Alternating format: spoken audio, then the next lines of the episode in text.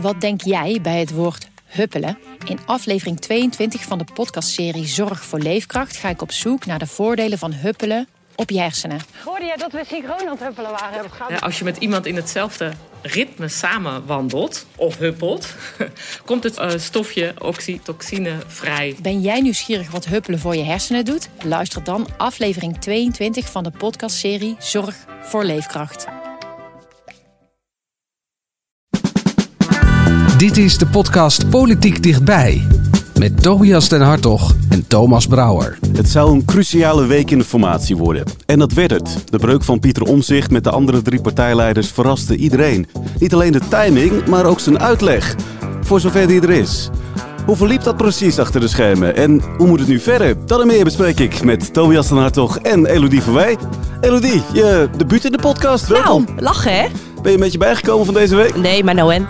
Bijna weekend, hè? Bijna weekend. Tobias, voordat we het straks over die formatie gaan hebben, er was ander nieuws vandaag ook. Ja, breaking news. Ja, uh, het overlijden van, uh, van Dries van Acht uh, heeft, heeft ons bereikt inderdaad. Ja. Ja. Dries van Acht, dat is allemaal voor onze tijd. Ja, dat is een zwart-wit krant en zwart-wit televisie. Premier tussen 77 en 82. markant figuur.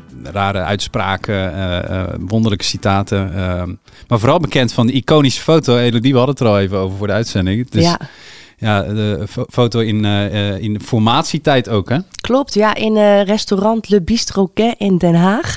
Ja, ik kom zelf uit Den Haag, dus uh, dat restaurant is er nu niet meer, maar het zat op het Lange Voorhout. En misschien weten we het allemaal nog wel. De iconische foto tussen Dries van Acht en Hans Wiegel. Dries van Acht was een kabinet aan het smeden samen met Den L en D66 erbij. Maar die formatie die duurde eindeloos, dus nou goed, dat was dus vroeger ook al. en toen dacht Wiegel, weet je wat, ik ga even naar Van Acht toe. En toen hebben zij eigenlijk op een avond binnen no time een kabinet bekoekstoofd samen. Uh, en toevallig heeft Wiegel toen uh, de Telegraaf gebeld en is daar een foto van. Sluwe hè? Ik heb helemaal nooit, nooit gedacht macht te zullen krijgen. Helemaal niet. Uh, ik, was, ik was dolgelukkig, echt waar. Ik was dol enthousiast. Van ineens tot mijn verrassing. Dat was al een grote verrassing. Minister te mogen worden en nog wel van justitie. Mijn lievelingsdepartement. Ik ben een jurist in alle vezelen van mijn lichaam. Ja, eerst minister en toen dus minister-president. En hij was ook een van de premiers die wel in het uh, katshuis uh, sliep uh, door de week.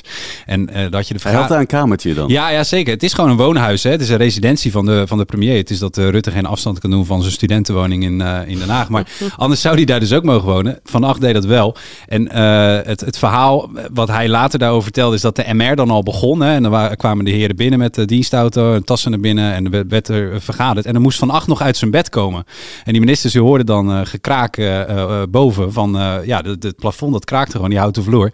En dan wisten ze, oké, Van Acht is wakker, die zal zo meteen wel naar beneden komen en de boel verder voor, voor zitten. Ja, markant. Geweldig toch? Ja, hij is toch, hij is toch bekend als een, een eigenwijs man. Die ook af en toe gewoon even niet naar de ministerraad ging. Omdat hij dacht, ik ga liever naar een, wieler, wielerwedstrijd kijken. Ja, het, het, is een beetje gek, maar, maar ergens ook wel uh, charmant zou ik charmant. zeggen. Een man uh, van bijzondere anekdotes. Ja, bijzondere anekdotes, die waren er deze week ook. Laten we even teruggaan naar afgelopen dinsdag. Het hing al een tijd in de lucht. De berichten rond de formatie waren de laatste weken niet heel gunstig. En nu is het voorlopig gestrand. Pieter Omtzigt van NSC wil voorlopig niet meer verder praten vanwege tegenvallende overheidsfinanciën. Informateur Plasterk reageert verrast, de andere partijen verbijsterd. Ik, ik, ik begrijp er helemaal uh, niets van. Voor mij uh, ook uh, gewoon een hele grote verrassing. Nou, ik had graag van hem zelf willen horen wat er nou precies aan de hand is. Ik zie nu al een dag allerlei verschillende varianten in de media oppoppen. En nou ja, ik had graag van hem zelf willen horen wat is er nu gaande. En wij hebben dat via de pers moeten vernemen. Ik vind het gewoon een hele rare gang van zaken. En er zullen redenen voor zijn, maar wat zijn die redenen? Ik las dat hij gisteren collega's van u had uh, uitgenodigd om uh, uitleg te geven en een sms'je of een appje aan de informateur gesteld. Nou, maar voor iemand die zo belangrijk vindt dat wij in een nieuwe bestuurscultuur de instituties van Nederland hoog in het vaandel hebben, vind ik het wel uh, um, op zijn minst merkwaardig, laat ik me voorzichtig uitdrukken, dat hij de informateur een appje stuurt en met journalisten gaat praten. Ja, verbaasde reacties, ook een beetje verontwaardiging hoor ik wel bij Wilders. Ja, dat was deze week was een onmerkelijke week. Laat hem heel even samenvatten. Alle vier de partijleiders zitten dinsdagochtend op het ministerie van Justitie bij Dylan Jessegus in de werkkamer. En ze hebben het daar nog over de formatie. Dan opeens stapt Pieter Omzicht op. Ja. En hoe gaat het dan verder? Ja, hij stapt op, maar dan in de letterlijke zin van het woord. Hij stapt op en hij zegt: Ik ben moe. Ik eh, moet even nadenken. En op dat moment ruiken ze wel enigszins onderuit. Hè. De sfeer was er natuurlijk al naar. Het ging niet top. En het, was de week, het is de week van de waarheid. Dus als iemand dan zegt: van jongens, ik trek me even terug, dan moet je natuurlijk op je kievive zijn. En ze hebben hem toen ook gevraagd: joh, Pieter, eh, wil je breken? Eh, ben je geprikkeld? Is er wat? Eh, je, je, kan niet alles zeggen, maar ja, als je, als je er nu mee kapt, dan moet je het nu hier zeggen.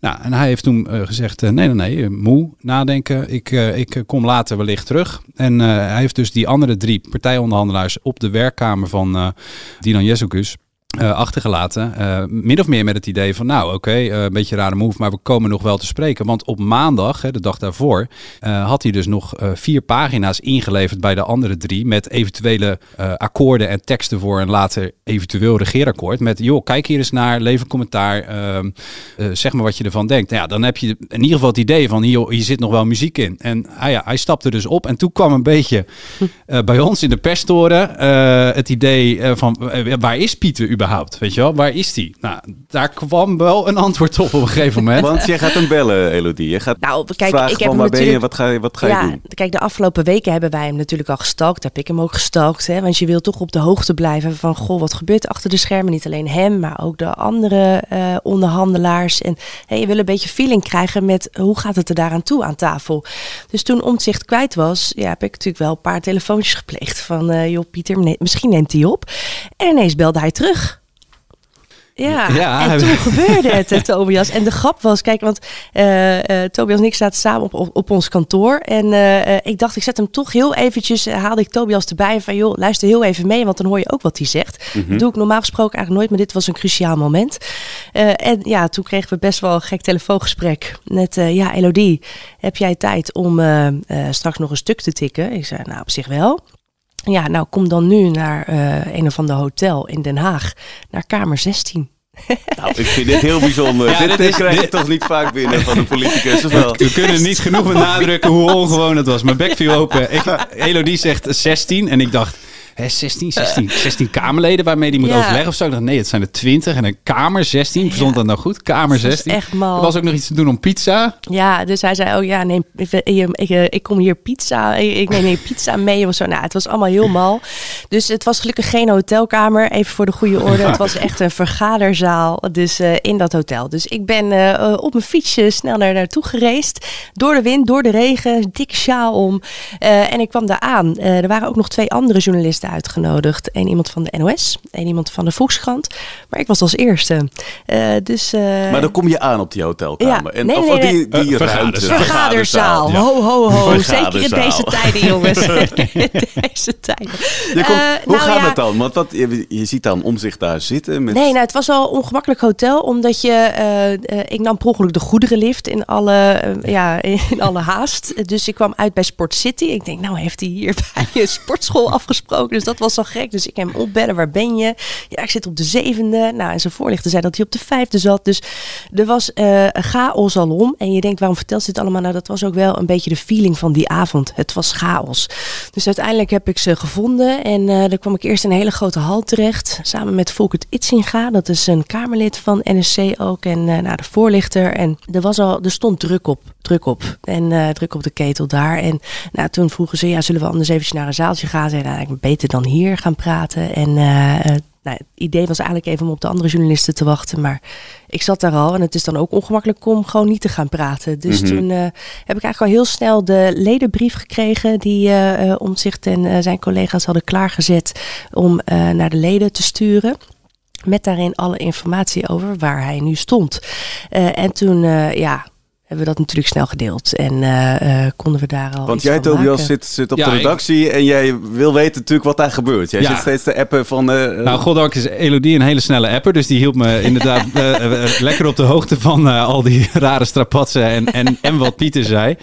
Eh, ja, en aan de hand van die ledenbrief, en die is later ook openbaar geworden, hè, waarin hij vertelt van nou, de financiën zaten me dwars. Hè, nog even los of dat de ware reden is, maar daar komen we misschien nog op. Maar daar stond wel duidelijk in, vond, vonden wij, eh, ja, dit, dan houdt deze formatiepoging op. Hè. De opdracht was, is er een meerderheidskabinet nodig van deze vier, eh, mogelijk van deze vier partijen? Ja, in die brief stond eigenlijk uh, met zoveel woorden, nou dat is er niet. En uh, ja, dan zet je een bericht klaar. Hè. Ik had dat getikt en opgemaakt en eigenlijk zit je met je vinger op de knop van, nou oké, zodra er een appje komt van Elodie, go, dan, dan, knallen, dan knallen we het op de site. want ja, je, je werkt natuurlijk wel mee aan het georchestreerde opzetje van omzicht, hoe hij dit in de wereld wil hebben. Maar ja, je wil ook het nieuws hebben. Dus ja, dan speel je dat, uh, dat in ieder geval helemaal mee. je weet ook dat het nieuws naar buiten komt. Hè? Dus... Ja, het gaat een keer gebeuren, is dan liever de eerste. En uh, het gekke was alleen, hij wilde dus de regie, maar dat had hij in feite niet, hè, Elodie? Nee, nee, dus dat was ongemakkelijk. Want op een gegeven moment uh, kwamen Marleen de Rooij en Afi Bikkie van de NOS en van de Volkskrant er ook bij. En Marleen zegt, die hadden dus die ledenbrief nog niet van onzicht gekregen. Die zegt, oh, ik heb hier, krijg ik van mijn collega's die ledenbrief binnen. Dus die was al uitgelekt? Nou, in ieder geval bij haar. En nou ja, ik zag op dat moment ook het gezicht van onzicht. En die was daar helemaal niet blij mee. Dus die riep ook uit: Ik ben echt niet blij met deze gang van zaken. Want die weet dat er binnen zijn fractie dan iemand die brief doorstuurt. Precies, want er waren maar heel weinig mensen die die brief hadden. En nou, die was toch uitgelekt naar de NOS. En toen dacht ik ook: Ja, dan moeten wij ook heel snel schakelen, want die gaan natuurlijk niet meer wachten. Dus, uh, maar je zag wel, ja, weet je, op dat moment had hij wel door: hey, ik heb het niet meer onder controle. Dus waar hij eerst van plan was om uh, om negen uur pas dingen naar buiten te brengen. En het was toen een uurtje of zeven, denk ja, ik. Ja, twaalf over, geloof ik. Ja. Twaalf over zeven, ja. En uh, uh, dat liep dus helemaal mis. En ja, weet je, dus toen heeft hij heel snel die brief naar de leden verstuurd. Uh, nou, wij hebben heel snel pushberichten uitverstuurd. En toen vroeg ik op een gegeven moment aan hem: Goh, heb je eigenlijk al je uh, mede-onderhandelaars geïnformeerd over jouw stap? nee. dus toen heeft hij snel een app gestuurd om hen daar ook van op de hoogte te stellen. Ja, dus en we kunnen, het, het niet dat... we kunnen niet genoeg benadrukken hoe ongelooflijk raar dit is. Hè? Ik bedoel, je, je zit, uh, wat was het, 6, 76, 78 dagen zit je uh, uh, met z'n viertjes te praten. Ja. ja. toen 77. Toen 77. Ik, ja. en, en dan moet je dus, de, je gaat, dan besluit je dat om dat per app uit te maken in feite. Hè? Ja. En dat is, dat is er werkelijk, er is geen, in Den Haag is dit ongekend. Ja, hij noemt het zelf ook geen schoon. Tenminste, binnen NSC zeggen ze ook: dit verdient geen schoonheidsprijs. Dus daar zijn ze het zelf ook wel over eens dat dit echt wel beter had gemoeten. Maar het is niet helemaal impulsief, want die brief is ook geschreven. Ja, toch? precies. Ja, dit, kijk, het is niet impulsief. Uh, en we hoorden ook wel, dat vond ik wel een geestige van een van de mede-onderhandelaars. Dit is het snelste besluit wat Pieter Omtzigt ooit heeft genomen. ja. maar kijk, uh, kijk, het zat er natuurlijk al wel aan te komen. Hè. Dat is ook het eerlijke verhaal. Kijk, eigenlijk is het al vanaf dag één uh, binnen die formatie dat het niet helemaal lekker ging. We weten allemaal nog uh, de move van Dylan Jisselgus.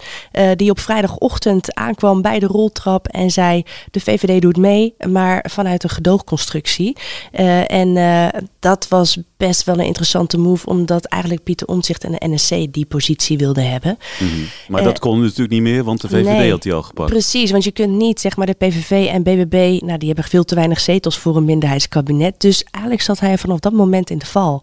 En, en met de kennis van nu zegt hij zelf ook: Ik had te veel eerder uit moeten stappen. Maar ja, weet je, op wat voor manier doe je dat dan? Want als je met elkaar gewoon aan tafel bent, ja, dan moet je wel een reden vinden om weg te gaan. Dus hij moest zoeken naar een reden. En Precies. die kwam begin deze week. En die kwam inderdaad, nou in ieder geval al eerder, maar de druppel was op maandagavond en dinsdagochtend. En dan stuurt hij dus dat appje, dankzij jou eigenlijk. Want nou, als je het niet had gezegd, had gedaan. geweten, nog wel veel Had langer hij vast wel gedaan. Had hij vast wel gedaan. Ja, maar dat is wel merkwaardig. Hè? Dus je moet je voorstellen, de setting nog even. Er zitten dus Jezus uh, Wilders en Oh, Van ja. der Plas zitten nog steeds op het ministerie van uh, Justitie, de werkkamer van, uh, van, van Jezus. Die weten van niks. Die weten van niks. Die krijgen een pushmelding. En meteen daarop, hè, er zit, zat, zat volgens, uh, uh, volgens hen zat er een minuutje of misschien twee tussen. Krijgen ze een appje eroverheen met, uh, ja, het, het houdt hier ongeveer op. Ja, Dat is dank voor de fijne gesprekken. Dank Ja. voor de fijne gesprekken. Ik zie blokkades, moeilijk, nou, enzovoort.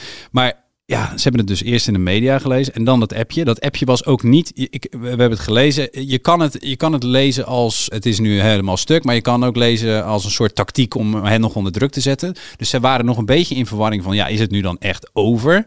Ja, toen zei ze ook maar naar huis. Het hebben ze nog samen. Nou, Ja, dat is inderdaad nog mooier. Want zij zaten natuurlijk helemaal met hun handen in het haar van wat is hier gaande. En ze hadden om zich nog niet gesproken. Dus ze dachten, weet je wat wij gaan doen? We gaan even het acht uur journaal met elkaar kijken. Geert Wilders die het NOS journaal heeft gekeken. Spreken. Eh, dus zij zaten met z'n drietjes, zaten ze gewoon eh, Xander van der Wulp eh, te beluisteren. Om te kijken of dat die hem misschien iets wijzer kon maken. En we begrepen, dat ligt niet aan Xander, maar dat dat ook niet gelukt is. Want Dus het was gewoon vaag, onduidelijk. Ja. Wat is nou precies de status? ja, dat wist natuurlijk niemand. En ik denk dat eh Omtzigt dat op dat moment misschien ook nog niet helemaal wist. Want het was, ja, het was gewoon warrig allemaal. Ja, misschien besefte die onvoldoende dat als jij zegt: Oké, ik stop met deze vorm van praten, dat het, het praten dan in feite dus ook gewoon ophoudt. Hè? Als je Ja. niet wil praten over een meerderheidskabinet en je ziet blokkades, ja, dan stopt het gewoon. En dan kan je zeggen: Ja, ik ben nog steeds constructief en ik wil meedenken. En in de toekomst Ja, en het eh, is kun je niet me bellen. geklapt, maar Het dat is geklapt, natuurlijk wel geklapt natuurlijk dan. wel. Ja. Nog even, hè, want in die brief, want we hebben die brief wel genoemd, maar wat er dan in staat, dat nog niet. Wat staat er dan precies in die brief? Wat is dan de reden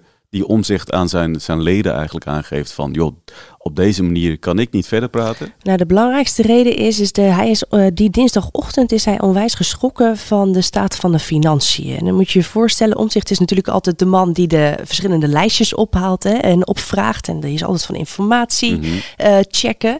Dus hij heeft eh, anderhalve week voor die dinsdag heeft hij gevraagd aan Plasterk, of eigenlijk al vanaf het begin, maar toen echt van joh, ik wil heel graag wil ik inzicht in hoe het er precies voor staat in ons land. Dus hij heeft gevraagd om de tegenvallers en om de ramingen. Eh, eh, en die brieven lagen daar. 21 brieven. 21 brieven, meer dan 300 pagina's. En eh, dus hij heeft heel erg de druk opgevoerd om die brieven te kunnen zien. En hij zegt zelf dat dat eh, anderhalve week duurde. En dat hij toen die dinsdagochtend onder geheimhouding die brieven mocht inzien.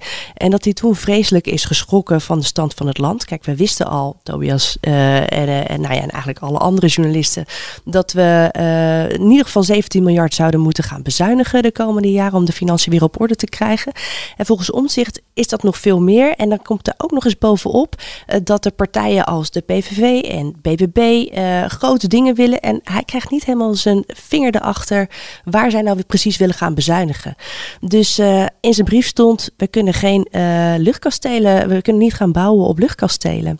En dat is wel het belangrijkste waarop het is geklapt. Ja. Maar later hoorden we ook wel dat het natuurlijk een opeenstapeling was van allerlei verschillende dingen. Want hè, gisteren hoorden we ook weer vanuit NSC dat hij zich toch wel naar de uitgang gedreven voelde door de andere drie partijen. We weten allemaal nog de, de, app, of de tweets van maandagavond. Geert Wilders die zegt, oh, waren zulke constructieve gesprekken. We denken er wel uit te gaan komen. Ja. We gaan door. Nou, Dylan Jusselgus van de VVD die meteen zegt, oh, daar sluit ik me bij aan. Een paar minuten later Caroline van der Plas die zegt, hey, eh, ik ook. Eh, en Pieter Omtzigt bleef stil. En nou, wat hoorden wij nou gisteren op de achtergrond is dat eh, Pieter Omtzigt op dat moment aan het appen was met die lui. Van jongens, ik maak me echt zorgen over de overheidsfinanciën. Eh, willen jullie met mij mee de druk opvoeren op Plasterk?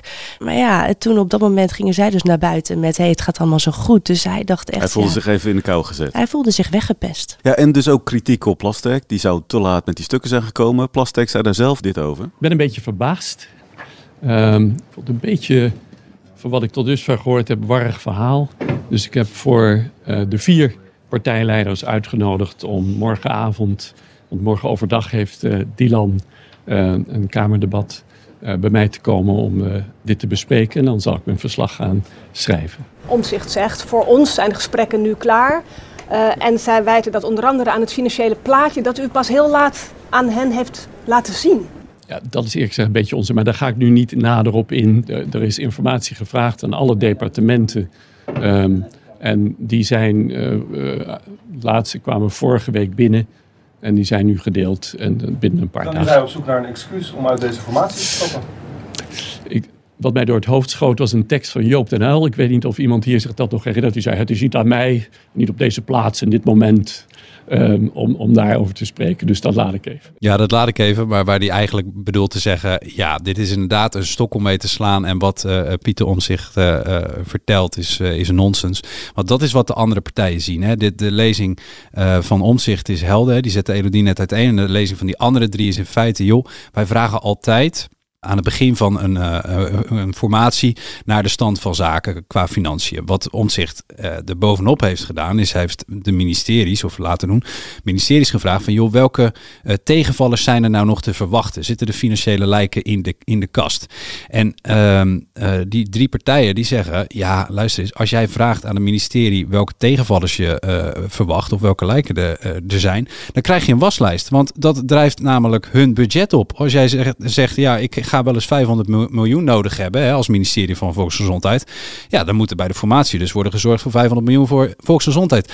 Ja, het is, het is niet anders dan anders, zeggen zij. Dus ja, natuurlijk zijn er eh, lijken, maar daar deal je mee. De gaandeweg de rit krijg je die een keer op je bord. En dan, eh, eh, dan dat, is, dat is besturen. Hè? Dat is, en dat is hun lezing. En de suggestie die uh, Omtzigt doet, is dat die stukken vanaf eh, 31 januari compleet op het bureau van Plasterk lagen. En hij hen, dat hij ze niet heeft gegeven aan de, aan de formerende partijen.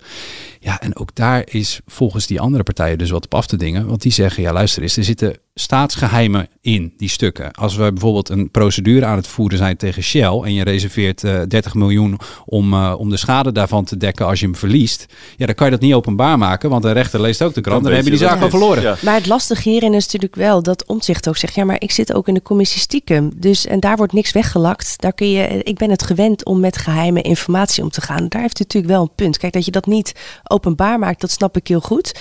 Maar eigenlijk is het natuurlijk achteraf gezien best een beetje gek dat als je die stukken hebt, waarom je dat dan niet meteen onder geheimhouding doorstuurt. Want hij moest daar dinsdagochtend ook zijn handtekening voor zetten.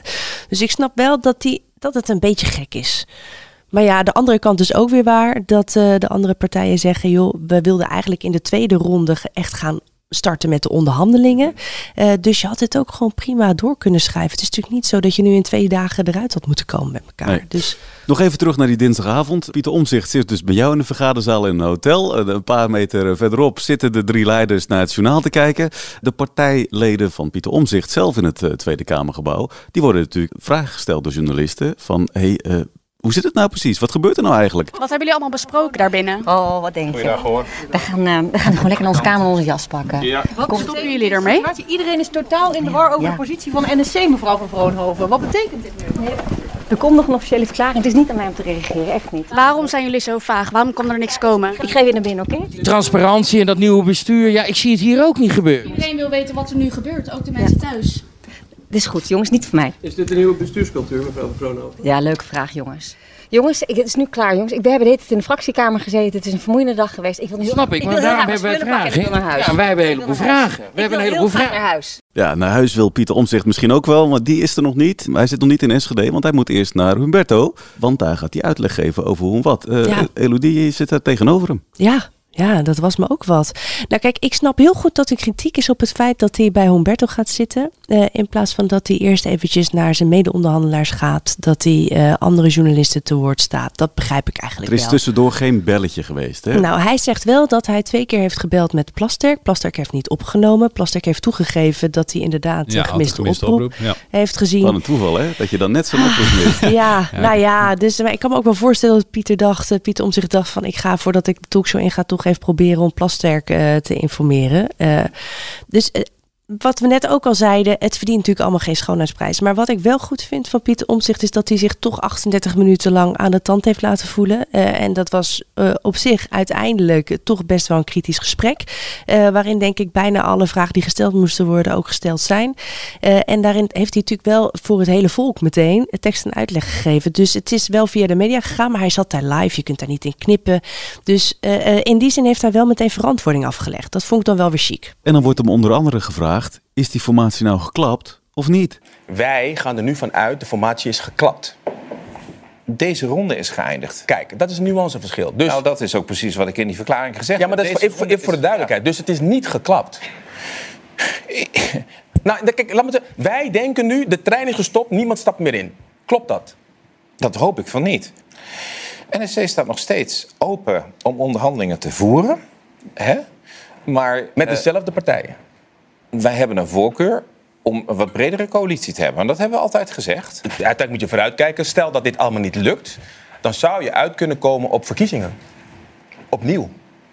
Is dat een optie waarvan je zegt van nou, is een reële optie? Dat is op dit moment zeker geen reële optie. Je, je, je, je, zorgt ervoor als politici dat je een manier vindt. En dat is waarom ik ook gezegd heb, deze ronde is ten einde. Ja, Elodie, je luistert naar. Je hebt het natuurlijk live gezien. Ik, ik hoorde je zuchten.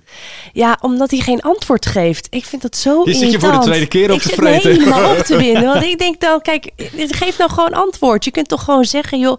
Maar ik denk, dat is het rare. Ik geloofde het eerst niet. Maar ik denk echt dat zij dachten, NSC op dat moment, we zijn, we hebben het niet laten klappen. Dat is niet zo. Want Deze zij- ronde is voorbij. deze ronde is voorbij en we gaan gewoon door naar de volgende ronde. En dan gaan we weer verder praten. Maar ja, de Haagse realiteit werkt zo niet. Kijk, je, je kunt bijvoorbeeld in een relatie. Jij en ik hebben een relatie. Het zou zomaar kunnen. En eh, dan eh, ik zeg, eh, joh, ik kap er even mee. Ik zet er een streep onder. Dan denk jij toch, je maakt het uit. Ja. Dat is wat je communiceert. En dat is geen framing van de media. Dat is gewoon wat je communiceert. En dat is ook het gevoel natuurlijk wat bij mij ontstaat en wat niet meer gaat veranderen daarna. Precies. Daar is en iets dan, kapot gegaan. En dan kom je daarna ook niet meer opdagen. Je maakt het uit via de app. Ja, dan straal je allemaal uit. Ik kap ermee. Dus dan kan je wel zeggen, ik ga toch wel even door. Maar er zijn ook nog drie anderen die daar ook iets over te zeggen hebben. Dus ja, het is misschien een beetje vanuit hunzelf beredeneerd. Dan komt er die lijnpoging. Hè? Plasterk die zegt, joh, kom nou meteen even langs. Dan praten we er met z'n vieren nog even over. Ja. Ja, dit is, dit is, dit is eh, als we Nu de wordt het leuk, analogie, het leuk, ja. als we de analogie even volgen van hele die, dan is het natuurlijk gewoon, ja, je komt het me maar even gewoon in mijn gezicht zeggen Ja, dat je het uitmaakt. Ja, Ja. dat appje, Ja. dat geloof ik wel. Ja. Jij gaat nu in mijn bek zeggen dat je me niet meer wil. Dat is wat die drie doen. Eh, vier eigenlijk met de Ja. informateur erbij. Want eh, ja, je, je komt het maar vertellen. En dan ga je, ga je eh, iedereen maar eens uitleggen. Dus ik snap heel goed die uitnodiging. Die rode loper wordt uitgerold. Kom maar alsjeblieft. Maakt niet uit hoe laat. Wij zijn erbij. Want ze willen ook aan de kiezer laten zien... jongens, het ligt niet aan ons. Het ligt aan Pieter. Die wil niet. Ja, dat, dat doen ze ook heel slim met ge- Tobias. Met die, heb je dat gezien, die ene foto? Dat je Plasterk ziet, Wilders aan zijn andere kant, Caroline van der Plas en Dylan Jussegus. En dan is er een lege stoel. Ja. dat Ja. is natuurlijk ook niet voor niks. Dit is geen toeval, hè? Nee, dat ik bedoel, is geen toeval. is slim genoeg. Die, de- er zijn heel weinig beeldmomenten zeg maar, geweest dat je binnen mocht filmen in de, in de onderhandelingskamer. Er moest om gevraagd worden door de media zelfs. Nou, en het zag er ook niet uit. Het is alsof je een crematorium binnenloopt. Dus ik snap wel, filmisch is het allemaal niet. Maar precies wat Elodie zegt, nu werd het de pers toch wel even opgetrommeld. En ja, dan staat daar een lege stoel en een onaangeraakt eh, flesje water. Ja, dat, dat is beeldend eh, is dat natuurlijk top. Ja, maar het is natuurlijk ook alweer zo om het dan toch een klein beetje voor omzicht op te nemen. Kijk, dat je iemand dan één keer uitnodigt. Want omzicht zegt de gesprekken zijn gestopt. Nou, dan nodig je als plasterk, nodig je hem natuurlijk toch nog een keer uit van joh, kom dat even tegen mij vertellen. Maar dat hij hem dan voor de tweede keer uitnodigt en voor de derde keer, dat is misschien ook best wel veel. Want het signaal is nu wel helder natuurlijk Het is ook wel een inmiddels. beetje, beetje pesten wordt het bijna. ja. Een laatste gesprek, maar dan zonder omzicht. Vindt u daarvan? Ja, jammer. Ik had gehoopt dat hij erbij was, maar ik geloof dat hij eh, thuis is aan het herstellen. Dus ik eh, wens hem eh, snel eh, dat hij zich beter voelt. Ja, weet je, het, is wel ehm, ongelooflijk wat er nu gebeurt. We hebben, Nederland heeft hoop. Ehm, Nederland hoopt op een snel nieuw kabinet. Ons land moet bestuurd worden. Er zijn grote problemen van zorg tot asiel en het ligt nu weer stil. En we hebben weer een debat en wie weet wat er daarna allemaal gebeurt voor wat we nog de komende dagen moeten gaan bedenken, hoe we verder gaan. En dat, ja, ik vind dat ontzettend zonde. We hadden gewoon door moeten gaan. Ja, Wilders die dan zo beduusd zegt, ja, jammer. Ja, dat klinkt dan toch een beetje als de wanhopige ex, weet je wel. We blijven deze liefdesmetafoor. Ja, ja maar, maar goed, dit is, staat ook wel, hè, we hadden het net natuurlijk nog even over die mooie foto van Wiegel en Van Acht. Formeren is faceren, formeren is soms irriteren, maar formeren is ook soms dineren en elkaar even goed in de ogen kijken en kijken van jongens, weet je, hoe kunnen we het vertrouwen weer herpakken en terugvinden? En dat is wel wat er nodig is natuurlijk in deze situatie nu. Hoe ga je, hoe ga je nou ervoor zorgen dat je elkaar weer een beetje bij de hand pakt en, eh, en dat je verder kunt Ja, samen? geef eens antwoord op die vraag dan. Hoe kan dat? Ja, dat is wel een interessante. Kijk, wat, wat er eerst moet gebeuren is, dat is het ingewikkeld aan deze situatie. Eigenlijk moet je ehm, een formatiepoging altijd helemaal afhechten voordat je verder gaat. En daar zitten ze nu in met die drie andere partijen. Met hoe gaan we dit nu afronden als de vierde er niet bij zit. En ik hoorde gisteren ook vanuit de VVD dat is echt heel erg ingewikkeld. Want ja, hoe, hoe concludeer je nou iets, weet je wel?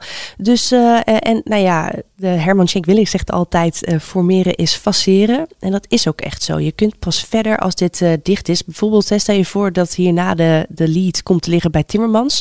Omdat we nu constateren met elkaar dat het Wilders niet gelukt is. Ja, dan moet het wel echt helemaal afgerond zijn. Want anders zegt Timmermans continu, ja, maar ja, die vier die kunnen eigenlijk nog wel met elkaar gaan praten. Dus waarom zou ik nu ergens mijn, vingers aan gaan branden? Dus dat maakt deze situatie gewoon heel erg ingewikkeld. Ja, Timmermans zelf staat nog niet te trappelen inderdaad. Nou ja, dat is zeker niet aan de orde. Echt niet. Het is totaal nog niet duidelijk eh, of dit eh, proces aan die kant eh, beëindigd is. Nogmaals, we weten niet hoe diep de scheuren in de samenwerking zitten.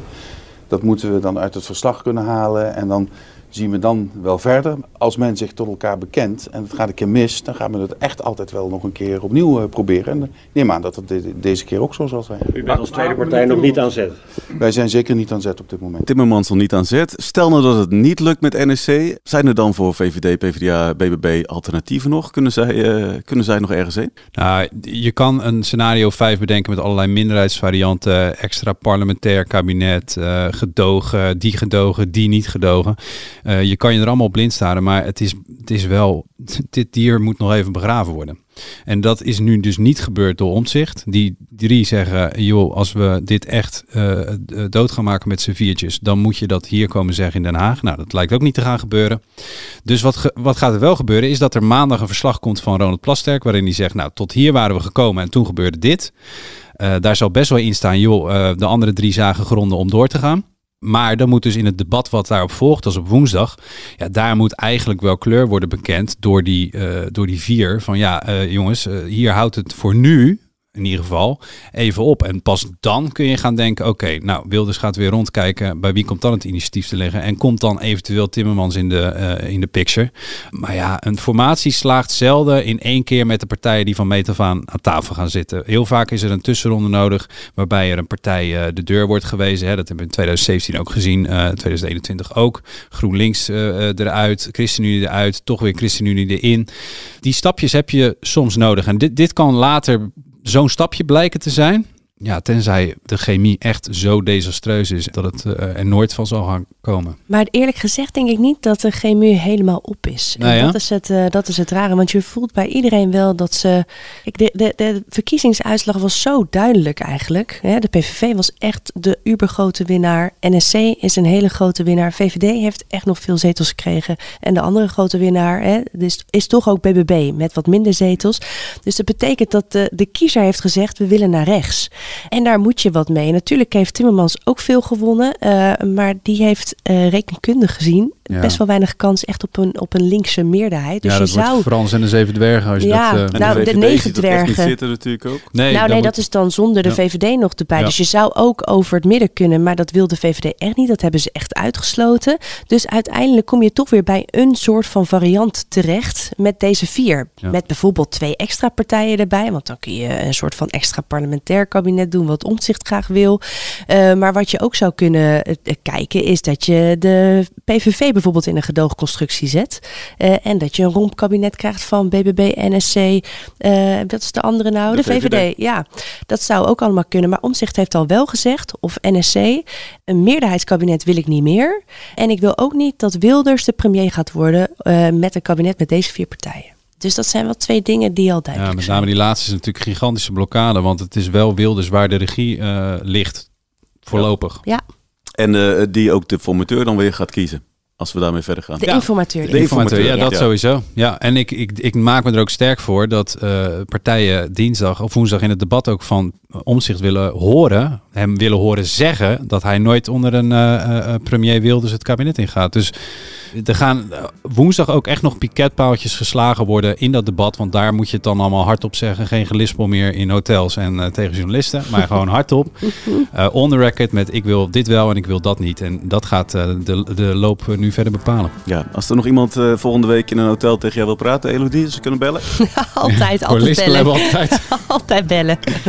Ja, volgende week woensdag Valentijnsdag natuurlijk. Dus wie weet, als we toch in de Oh, is dat zo? liefdesmetafoor blijven. Oh, nou. Doe maar alsof je dat niet weet, Tobias. ik wist Eh, van niks. volgende week Valentijnsdag. Dus wie weet komt het helemaal goed met deze, deze liefde. Tot zover deze aflevering. Vind je dit nou een leuke podcast? Abonneer je dan. Dat kan via Spotify of Apple Podcast. En volgende week, dan zijn we er weer. Tot dan.